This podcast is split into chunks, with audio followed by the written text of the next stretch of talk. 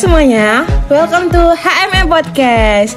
Nah, kali ini kita uh, kedatangan tamu nih ya, yang bakal ngobrol-ngobrol bareng uh, di sini. Coba tebak, uh, kalian bisa nebak kan nih divisi apa? Karena kan dari kemarin udah ada divisi divisi Mikat, divisi Iptek. Kali ini uh, kita bakal ngebahas divisi yang baru di HMM FTU Tidar, yaitu divisi Adgesma. Hai, halo semuanya. Halo. Halo. Nah, baik di sini ada apa aja? Eh, ada apa aja? Ada siapa aja nih di divisi Adgesma nih, Mas? Oke, perkenalkan nama saya Katon Sudartiko. Saya ketua divisi dari Adkesma. Lanjutnya mungkin. Halo semuanya, perkenalkan nama aku Noviana. Di sini aku sebagai wakil divisi Adkesma yang membersamai Mas Katon. Halo teman-teman. Halo. Perkenalkan uh, aku Danu Prasetyo dari staf Adkesma. Halo teman-teman, perkenalkan aku Zarima Septiani dari staf divisi Adkesma. Berarti ini Adkesma empat orang doang ya Mas ya? Ya, karena sekali. Wah gimana sih Mas kok bisa empat orang doang ini? Aduh, susah dijelasin. Susah karena, ya? Uh, uh, karena pas kemarin uh, kita buka oprek ya, yang daftar ya inilah. Bener Mbak Zarima? Benar. Benar aja ya. Eh, kan ya kita ngobrol-ngobrol seputar divisi Adkesma nih. Divisi Adkesma tuh divisi yang seperti apa Mas? Oke, mungkin tak jawab dulu lah. Kalau divisi, divisi Adkesma, Adkesma Adkesma. atau advokasi kesejahteraan mahasiswa.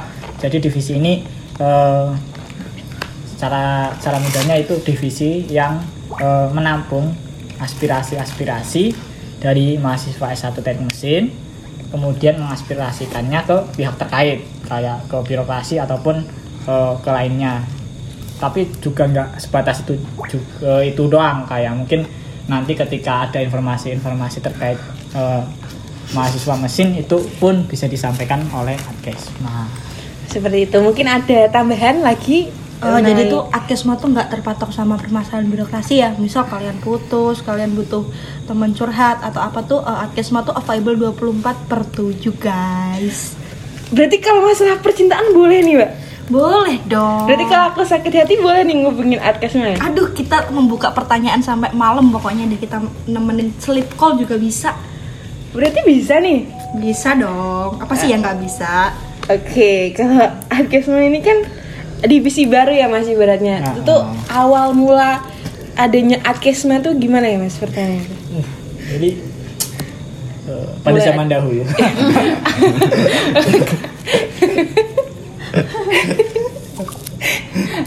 jadi jadi gini dulu ceritanya di periode sebelumnya di eh, kepengurusan eh, kahim sebelumnya Mas Fatih eh, dulu Adkesma atau di periode sebelum sebelumnya Adkesma itu digabung eh, sama eh, divisi PSDM. Nah eh, ketika digabung tersebut eh, dirasa kurang maksimal ketika ada penanganan-penanganan yang eh, berkaitan dengan kesejahteraan mahasiswa karena kan PSDM eh, lebih condong ke kaderisasi Nah, Betul. ketika dicampur dengan eh, kesejahteraan mahasiswa eh, sangat kurang lah untuk penanganan-penanganan kasusnya kira-kira kisahnya seperti itu lah Berarti itu yang melatar belakangi kayak ditimbulkannya, diciptakannya lah, terbentuknya divisi Adkesma ini ya Mas? betul sekali Betul. Kalau yang lain mungkin Mbak Novi saya mungkin- tahu yang staff dia nih, yang staff. yang staff oh ya yang staff, Yang staff. staff kan sebagai staff Gimana nih sebagai staff ya? Ayo. Karena sudah disebutkan Mas Katon, Iya. Aku nggak mau menambahkan. ya kayak gitulah biasanya seperti itulah kurang lebih terus apa lagi? Kalau kan ini udah eh, berjalan satu tahun ini ya Mas ya. Mungkin tantangan terberat di divisi Adkesma tuh seperti apa Mas? hmm apa nih mungkin Mungkin par kan staff par staff yang- kan yang berhubungan dengan birokrasi guna menyampaikan aspirasi mahasiswa-mahasiswa S1 sini. Mungkin tantangan terberatnya seperti apa? Wahai staff Oke, kalau tantangan terberat itu eh, mungkin ini bisa berat atau enggak berat, tapi ini eh, yang berat itu ke birokrasinya. Nah, birokrasinya ini eh, di eh, kita itu eh, keras gitu nah jadi Kerasnya kita- seperti apa mas? ya mungkin eh, mereka itu nggak sede- sependapat dengan kita gitu loh. Nah kita harus eh, bisa eh, mengolah kata-kata eh, untuk disampaikan ke mereka. Nah mungkin itu sih yang sulit untuk kita menyampaikan itu kadang mereka eh, nggak setuju gitu. Mungkin itu mungkin ada tambahan dari yang lain. Dari eh, staff. Dari ayo Mbak Zarima. ada lagi kalau di bagian pendekatan juga sih sama teman-teman anggota. Soalnya nggak semua teman-teman anggota itu bisa terbuka gitu mengenai masalahnya padahal tujuannya kita ada di sini tuh ya buat menangani masalah-masalah mereka gitu Sejauh ini mungkin masalah-masalah itu yang eh, secara garis besarnya itu seperti apa ya Mbak? Masalah-masalah seperti apa?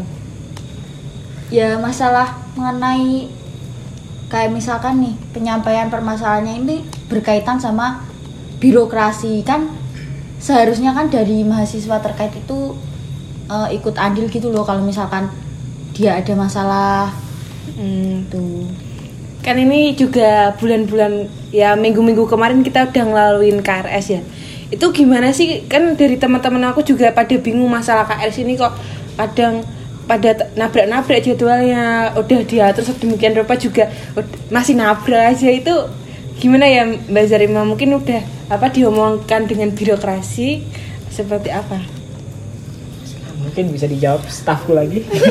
Oke, terkait eh, KRS yang nabrak itu, itu ada eh, dua kemungkinan. Nah, kemungkinan pertama itu kita yang tidak sesuai rombel kita, itu bisa menye- menyebabkan jam itu tabrakan gitu. Terus juga bisa saja dari TU itu dalam penjadwalannya itu eh, kurang sesuai gitu. Nah, untuk yang kemarin itu, untuk yang nabrak itu kan eh, matkul yang eh, praktikum. Nah, itu kan kita dibagi eh, dua rombel. Jadi kan kalau kita urutkan itu eh, nabrak gitu jadi kita harus eh, mengurutkan itu dan juga kita konsultasinya itu ke eh, TU gitu Hmm, Gitu. sedikit nambahin juga ya Iya, iya, Mas. eh, dari eh, Danu. Jadi eh, emang permasalahan kemarin sih eh, khususnya di angkatan 21 ya kemarin ya. Eh, iya mas staff, eh, Tuh, staff. bener banget di Eh, angkatan apa? 21 Angkatan tuh. 21 kan kasnya agak cukup lama tuh. Itu karena eh, yang eh, dibilang Danu tadi ya karena eh, kesalahan mungkin dari mahasiswanya juga. Jadi kesalahan dalam eh, penjadwalan. Jadi seharusnya mungkin eh, matkul ini nggak bisa apa eh, seharusnya nggak bentrok sama ini tapi karena eh, dari awal salah pengurutan dari eh, mahasiswanya tentang eh, matkul-matkul yang diambil jadi eh, semuanya ke, kedampak bentrok semua jadi penyelesaiannya ya kemarin diselesaikan di eh, angkatan sebut dan dipantau adkesma kayak kurang Iya. lebih kayak gitu mungkin bisa nggak bentrok mas ini di angkatan 21 ya mas ya Iya. mungkin bisa nggak bentrok tapi cuma itu tuh jamnya tuh beda satu menit seperti itu mas Nah itu emang emang seperti itu sih emang di di angkatan lain juga seperti itu kayak 20 juga sama. Yang penting emang di di jadwalnya di karis tersebut nggak apa ya nggak bentrok intinya gitu walaupun beda semenit doang. Oh gitu. Berarti semisalkan kita udah ngambil nih. Udah ngambil. Itu tuh sebenarnya harus sesuai kelasnya nggak nih? Nggak sih mas? Kayak semisal aku kelas D. Berarti aku ngambil kelas 04 apa boleh ngambil kelas 03 atau 02 atau 01 seperti itu. Bisa dijawab oleh wakil tuh. gimana mbak Novi? Eh, mengenai hal itu tuh sebenarnya dari awal pun kita udah dipaketkan ya dari sistem di awal di kita jadi maba tuh udah sistemnya paketan cuman eh, di akhir-akhir ini udah ada perubahan kurikulum dan perubahan sistem KRS jadi eh, sistemnya shopping. Shopping tuh artinya kayak kita bisa milih sendiri eh, bisa ngatur jam kita sendiri mau kelas apa eh, jam berapa hari apa kita mau libur hari apa kita nggak mau kelas tuh bisa seperti seharusnya. Cuma seharusnya iya. untuk me, apa ya menanggulangi atau mencegah uh, bentrok jam itu ketika kita atau mungkin kita kalau udah ambil 03 nih atau 02 01 kan slot dari kelas mereka kan berkurang. Jadi uh, mungkin ada mereka nggak bagian kelas dan uh, dapatnya kelas 02 nih. Jadi mereka bentrok di situ. Itu yang mengakibatkan kita secara uh, sadar dan secara uh, sukarela itu memi- tetap memilih sesuai dengan rombel yang sudah dibagi untuk eh, kepentingan bersama lah bukan kepentingan sendiri seperti itu. Kan kalau misalnya kita dari mahasiswa kan pemahamannya apalagi kan kita udah kayak megang TikTok itu kan ada inform- informasi-informasi mengenai orang-orang yang di TikTok itu buat KRS ya mbak ya? Itu Iya. kan kayak kenapa kok di Untider ini nggak seperti itu? Mungkin kan yang ditakutkan kadang kan ada mahasiswa yang terburu-buru ngambil aku nggak dapat kelas ini inilah itulah. Itu kan kadang kan juga pemahamannya dia seperti itu toh. Kadang juga dia cepet-cepet mau ngambil biar nggak kehabisan kelas. Itu mungkin tanggapannya mbak Nafi se- seperti apa? Juga buat teman-teman yang denger ini nggak gimana ya? Nggak terlalu berlebihan menanggapi nanti nggak dapat kelas. Seperti itu. Jadi gini teman-teman eh, untuk eh, di univ lain udah war atau apa? Karena satu di kita tuh masih kekurangan tenaga kependidikan. Eh, jadi itu yang mengakibatkan kita itu jamnya tuh harus sesuai Iya. gitu. Kedua selain tenaga kependidikan kita kekurangan ruangan. Eh, jadi ruang kelas pun kita eh, kurang memadai betul kurang banyak lah ibaratnya jadi itu yang eh, jadi pilihan dari Universitas Tidar sendiri tidak melakukan war KRS karena kekurangan tenaga pendidikan dan itu sih dua faktor utama yang menyebabkan kita belum ada sistem war sejauh ini itu yang aku tahu jadi eh, nambahin juga ya eh, mengenai eh, ketenaga kerjaan tadi ya mengenai dosen. Mungkin eh, dari pihak eh, birokrasi pun atau pihak jurusan juga eh, sudah sudah paham mengenai kekurangan tersebut. Dan eh, kemarin juga eh, kalau teman-teman bisa lihat di eh, KRS yang sekarang eh, banyak dosen-dosen baru. Kalau nggak salah ada 10 atau berapa aku lupa jadi mungkin agak tertolong di semester ini mungkin agak lebih lancar dari sebelumnya karena ada tambahan eh, untuk para pengajar eh, mata kuliah. Jadi nggak kayak tahun kemarin yang mungkin banyak kosong mungkin nggak ada nggak ada yang ngisi tugas mulu. Ya, bosen betul. pasti kan. Nah untuk tahun sekarang karena offline eh, tenaga pengajar ah, ditambah. Betul. Dan kita sudah punya eh, fakultas apa ya beberapa fakultas kita udah pindah ke gedung yang baru. Jadi eh, kita bisa full offline seperti itu gedung barunya udah jadi ya mbak? Udah dong. Cuma itu untuk ya? eh, Visipol dan Faperta jadi eh, yang FT dan kecuali F, kecuali Faperta dan Visipol tuh masih di eh, kampus yang lama. Berarti nanti itu gedungnya Visipol di dialihkan. di iya betul. kemungkinan seperti itu Berarti nggak ada cewek-cewek Visipol lagi berarti. sayangnya nggak ada Waduh, Aduh. gimana dong ini? Gimana kan? Alhamdulillah nggak ada jadi nggak pada zina mata Itu kan pas toh mbak. Kalau masuk gerbang kan Visipol, FKIP, teknik seperti itu kan mungkin yang cowok-cowok bisa nyuri-nyuri pandang gitu. Gimana Mas Katan? Mas Katon monggo. aku orangnya setia ya jadi mungkin tanya Mas Danu Aku juga setia. saya selalu menutup mata ketika lewat situ Masya Allah. Nabrak dong kalau itu Mas. ya itu makanya Nabrak cewek. Waduh, kok nabrak cewek sih? mengambil kesempatan dalam kesempitan itulah kepintaran saya Betul, kepintaran. Kalau lah itu sih mungkin mbak. Menurutku yang menjadi kayak penghalang. Jadi kurangnya pemahaman dari mahasiswa sih mas. Mungkin kan eh, dari Atkisma sudah mengeser, tapi kan tergantung pikirannya dia udah kayak aku udah universitas nih. Kan katanya kalau universitas udah bisa milih nentuin jadwal. Temanku juga ada waktu itu.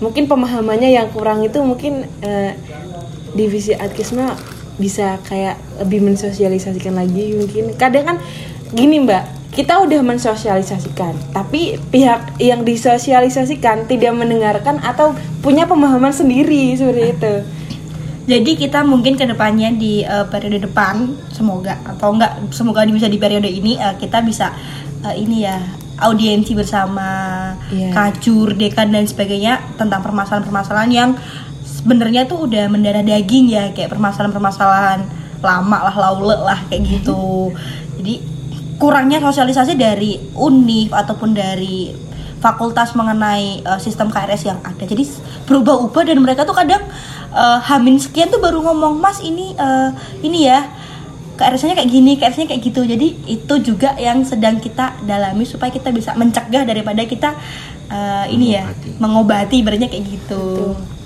kadang kan juga kembali lagi ke pemaham ke pemahaman se- seseorang gitu mbak. Kadang kan udah dilihat di teman-teman yang lainnya KRS War kok kenapa aku nggak bisa? Kok kenapa aku harus milih kelas yang sesuai? gitu mungkin itu sih menurutku yang menjadi kendala KRS saat ini ya memang seperti itu dan eh, dan mungkin tiap tahunnya eh, nanti akan dibenahi oleh eh, Penerus-penerus penerus-penerus Adkesma. Adkesma selanjutnya Mbak, Oke, ngomong kan ini divisi Adkesma ini divisi yang baru ya mas. Bagaimana sih mas cara menstabilkan divisi baru ini eh, ke divisi-divisi yang lain yang mungkin udah yang udah lama terbentuk seperti itu? Eh, stabil ya stabilnya itu gimana ya stabil ya hmm, gimana Nop? Jadi itu cara kita biar balance sama divisi-divisi yang lain kan kita setiap divisi itu punya proker masing-masing ya. Eh, di mana kita juga punya proker dan punya agendanya.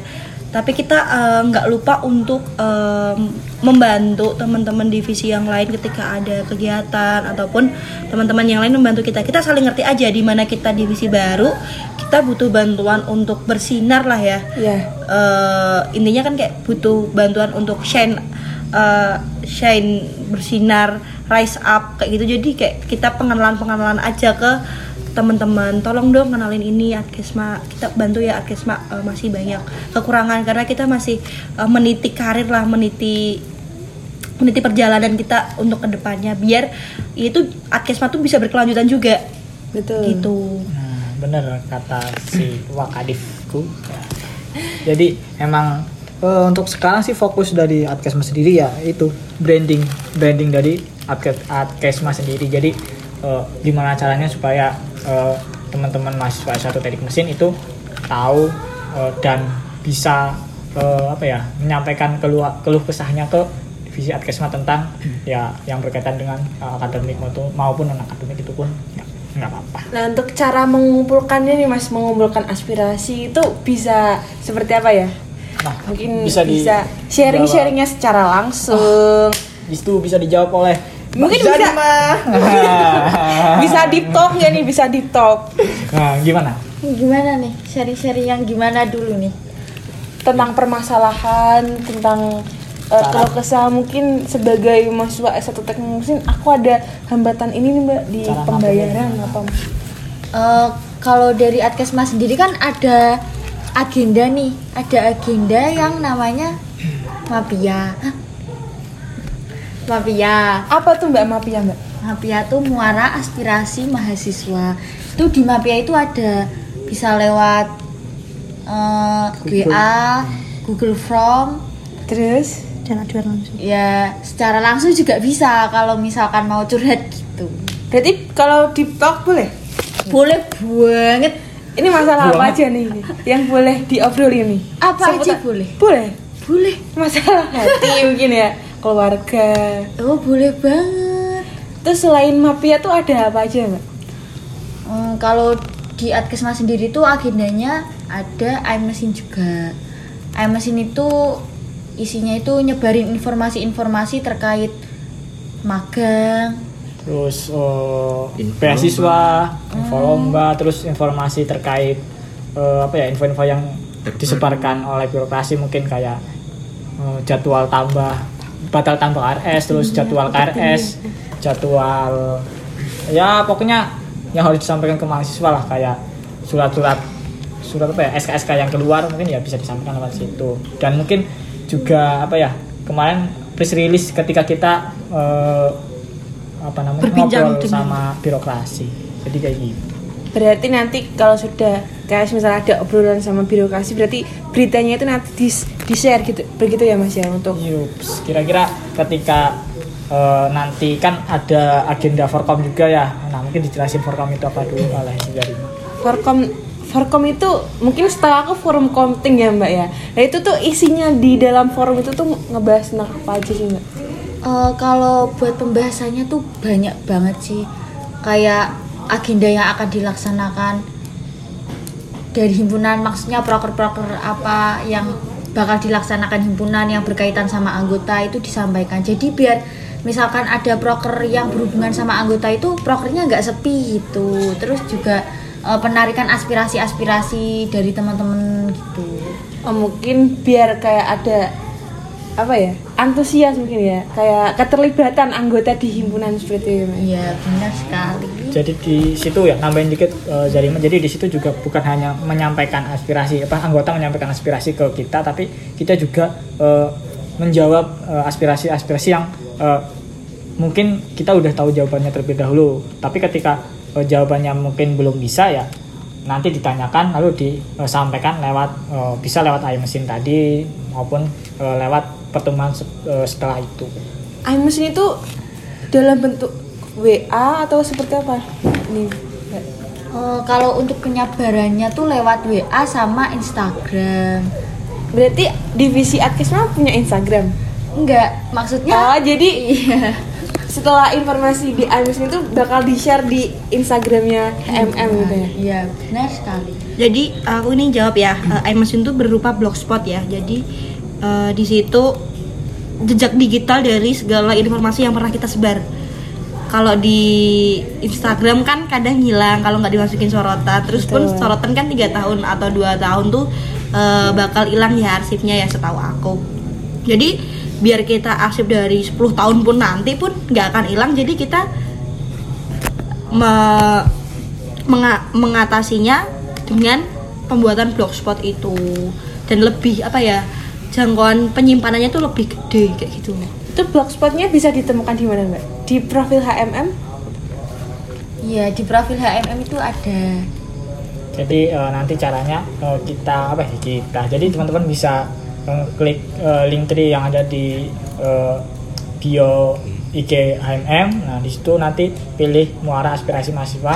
Nah di klik kemudian muncul eh, tiga tiga Pilihan. pilihan yaitu ada nomor aduan terus eh, aspirasiku kemudian eh, nomor eh tadi apa? Air mesin. yang terakhir informasi mahasiswa mesin atau air mesin ini aku mau tanya mungkin ini sedikit ya nggak apa-apa ya diceritakan aja. Mungkin buat teman-teman yang mungkin mengalami yang sama bisa cerita. Mungkin kan kadang "Ah, aku malu nih mbak ada permasalahan seperti seperti ini seperti ini. Lah itu permasalahan yang paling besar yang pernah kayak dihadapin mungkin udah dilewatin di divisi adkesma mengenai permasalahan-permasalahan teman-teman seperti apa sih? Biar semisal aku ada nih kasusnya sama seperti ini. Oh ternyata nggak apa-apa loh lapor di Adke- adkesma. Mungkin sudah dibantu aku juga mau dibantu seperti ini. Mungkin mereka kan kadang malu mbak.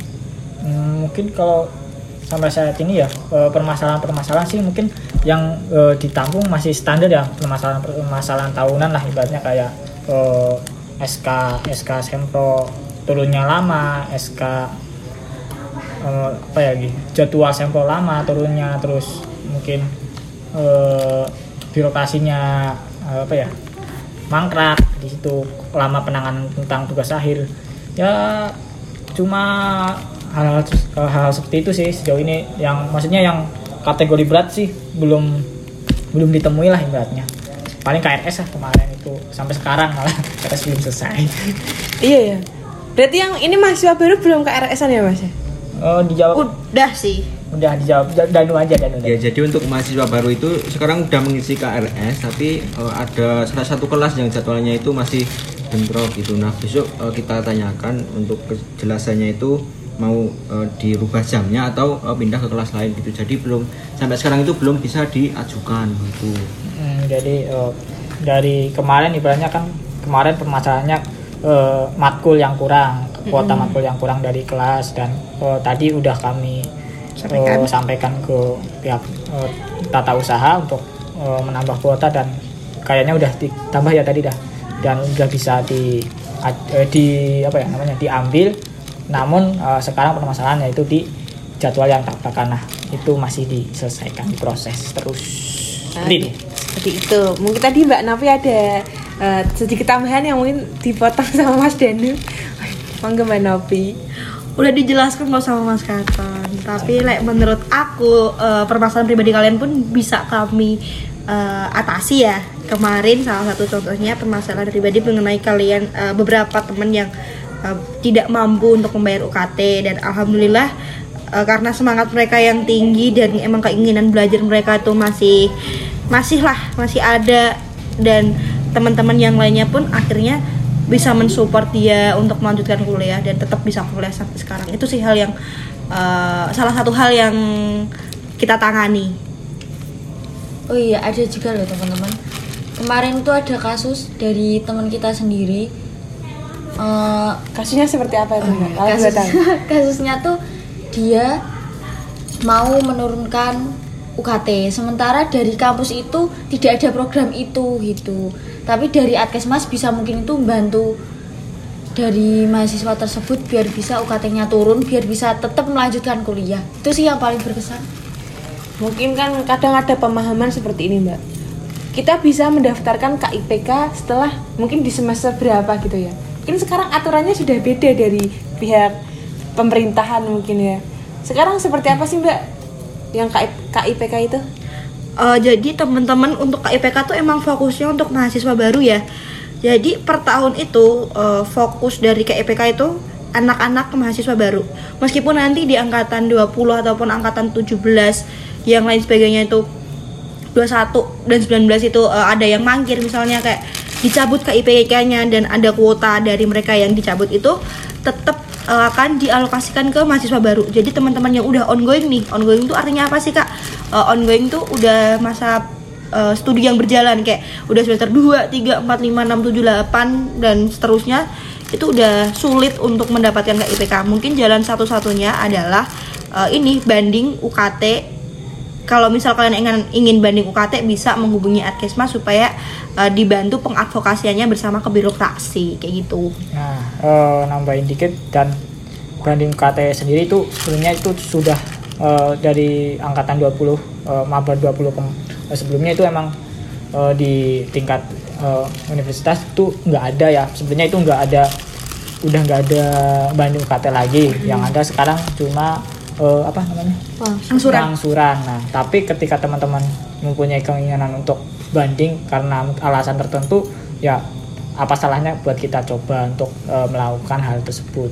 Tapi itu tidak menjamin apa Akan berhasil ya? akan berhasil karena ya itu eh, memang tidak ada, nah, tidak ada, tidak ada di eh, sistem di universitas tidak yang sekarang. Kadang kan di eh, perekonomian kita kan nggak tahu semua ya mbak. ya. Mungkin aku juga dengar-dengar apa permasalahan saat ingin pengisian KRS itu di UKT. Mungkin teman-teman kalau misal eh, kita kan nggak tahu perekonomian kita ke depan seperti apa. Kalau misal ada permasalahan mengenai mungkin pembayaran bisa langsung eh, di iMesin menghubungi divisi Adkesma untuk men- menyalurkan aspirasinya. Kadang kan kita semangat nih Mbak, mungkin dari faktor ekonominya kurang mendukung bisa langsung menghubungi siapa ini? Siapa? Nomor aduan bisa dicek di eh, link tree yang ada di eh, IG HMMFT Untidir ya jangan lupa follow. Jangan lupa follow teman-teman.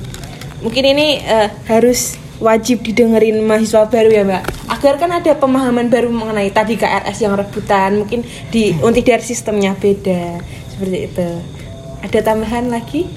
apa ya Eh, udah banyak banget tadi yang diomongin tentang Adkesma ya ya s- eh, semoga eh, nanti eh, ke depannya eh, Adkesma ya akan lebih gayang lagi lebih baik maksudnya lebih dekat eh, sama anggota eh, makin apa ya makin bisa menangani permasalahan-permasalahan yang ada di eh, mahasiswa satu teknik mesin Betul. terus menginformasikan hal-hal yang berkait sama eh, sama mahasiswa. Dan mungkin buat teman-teman yang punya info apa ya info lomba atau info beasiswa bisa langsung eh, apa ya ngasih tahu nih ke eh, nomor aduan.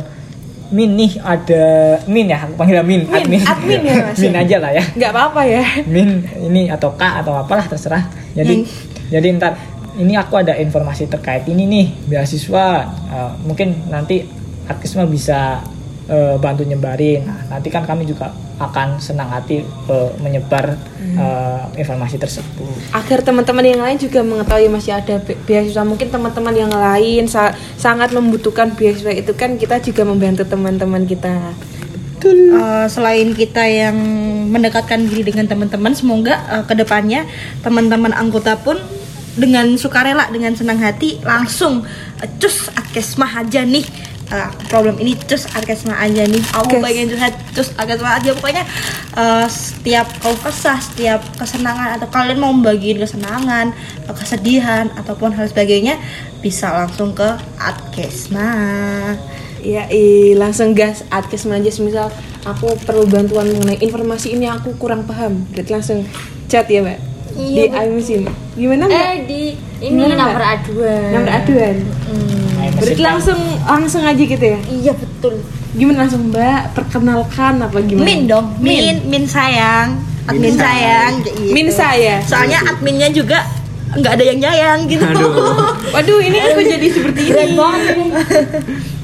Aduh berat bahasanya. Kalau dicurhat kan bisa kan Adkisma bisa curhat nih masalah hati. Nah kalau yang dicurhatin tuh dari divisi Adkisma gimana? Sejauh ini emang Adkesma suka mengurusi dirinya sendiri. Selain mengurusi teman-teman anggota, kita juga mengurusi eh apa ya? diri sendiri ya. kepengurusan Adkesma jadi kayak ada yang KTM-nya hilang, dompet hilang ataupun eh, pokoknya kita juga mengurus internal sendiri. Ada yang ke kebagian KRS, bentrok dan sebagainya tuh. Jadi nggak selamanya anak Adkesma tuh lancar-lancar aja perkuliahannya Oh, guys. aku paham mbak kan teman-teman S1 teknik mesin kan mengadu apa aduannya ke Adkisma Adkisma aduannya ke polisi bener Betul sekali. Jadi memang seperti itulah kira-kira sejarahnya. Ada tingkatannya kalau Iya. mahasiswa S1 teknik mesin ke Adkisma Adkisma ke polisi Koordinasinya langsung polsek. langsung gas ke atas ya ini harapan mungkin harapan buat teman-teman S1 teknik mesin ah, Ayo, Zar. Masing-masing lah mungkin ada Masing-masing. harapan. Iya, harapan dari Mas Harapan- Danu dulu. buat teman-teman kita di S1 teknik mesin Oke, jadi uh, Eh, harapan oke. untuk uh, teman-teman semua uh, jangan sungkan-sungkan kalau uh, mau mengadu atau apa pun.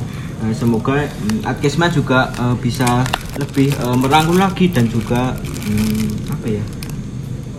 menjadi ya? menjadi apa nih menjadi rumah ya Ya bisa bisa Ya, bisa menjadi rumah ataupun menganggap keluarga sendiri juga bisa. Nah mungkin itu. itu itu iya itu Menyambung dari Mas Danu aja sih bagi teman-teman yang emang rumahnya rusak ini. Apa tuh? Gimana Mbak Jerima? Aduh. Bukan gitu. Rumahku itu Mbak Gimana? cagak ya bro Kayaknya ini Adkes mah bisa dandani. Bangun. tolong dicor ya Nanti dibantu juga bagi teman-teman yang eh, masalahnya berat, masalahnya ringan, butuh bantuan, jangan sungkan-sungkan kayak dikatakan Mas Dani tadi. Pokoknya butuh kalau butuh ya datang. Kita nggak mengharap imbalan apa pun lah. Nah, Aku- yakinkah, yakinlah di setiap uh, kesusahan itu ada jalan gitu. Wih, kata-kata hari ini Aku aku Kata-kata mau, hari ini. aku mau ini ya kayak teman-teman kalau mau menghubungi mana santai. Kita asas kerahasiaannya terjaga. Jadi paling eh, teman-teman internal eh, Adkesma aja yang tahu untuk membantu permasalahan-permasalahan kalian sama adminnya. Adminnya tuh baik dan tidak ember guys. rahasia terjaga 1000% Aman. aman. tenang betul Mbak Betul dong. Oke aku nyambung. Nyambung nyambung nyambung nyambung sambung-sambung jadi satu. Ya harapannya ya Adkesma pastinya jauh lebih baik jauh lebih peka jauh lebih merangkul jauh lebih baik dalam penanganan eh, hal-hal yang berkaitan dengan permasalahan-permasalahan mahasiswa untuk ke depannya nanti. Untuk mahasiswa baru 2022 selamat datang. Oke kami tunggu. Selamat datang teman-teman 2022 Mas Ketan adiknya ada yang eh angkatan 20 2022 ada yang sama nggak nih asalnya sama Mas Ketan? Ada pasti dari Kebumen Pride. Ya oke. Selamat datang. Kenapa? welcome. Danu ada nggak Dan Lah, Aku eh, belum tahu sih. Belum kenalan nih Ya, Mas mungkin Danu nanti eh, bisa kenalan juga eh, ke adminnya. Nah, nggak full IG Oh bisa bisa juga. IG-nya apa nggak usah nggak usah. Aduh, nggak usah. Followersnya banyak banget Mas Danu. Takut. Aduh. ini eh, selebgram Adkesma ya followernya 5000 kapan lagi kan Mas kita curhat sama seleb. Kan Iya. Ah, senyumnya manis banget kalau kalian bisa lihat. seperti gula Gila, ditambah susu. Aduh. waduh Manis. Oke, lanjut. Ya, sebelumnya aku mau ngucapin terima kasih nih. Kita udah mungkin di penghujung acara nih Mas, ibaratnya. Kok nggak kerasa ini? Waduh, nggak kerasa ya Mas ya. Iya. Tiba-tiba selesai ini. Tiba-tiba selesai. Gimana kalau kita lanjut sampai pagi ini? Ah, mungkin Mas Danu aja. Kata Jangan Mas. Danu nggak kerasa soalnya. Ya, Mas Danu kan emang suka berbicara ya. Aduh. Ini nanti bisa disambung lain waktu. Lewat Chat. Telepon. Oh iya, chat dulu. Chat. 08 berapa Mas? 8 nih 5. Eh, yes, yes, yes, yes. Lanjut lanjut. Aduh asik banget sampai nggak kerasa nih kita udah eh, di ujung. Aduh di ujungnya. di ujung ya. Aduh. Aku mau ngucapin terima kasih banyak kepada divisi Adkesma yang udah eh, nyempatin waktu buat ngobrol-ngobrol bareng, sharing, eh, ngasih pemahaman baru tentang teman-teman juga masalah KRS. Jangan risau teman-teman, jangan rebutan juga. Bakal kebagian semua ya Mas ya. Pasti itu. Tenang aja. Kalau misalnya nggak kebagian langsung chat aja divisi Adkesma. Oke. Langsung hubungi aja gitu ya. Oke dari aku cukup. Bye bye. Selamat bertemu di lain episode.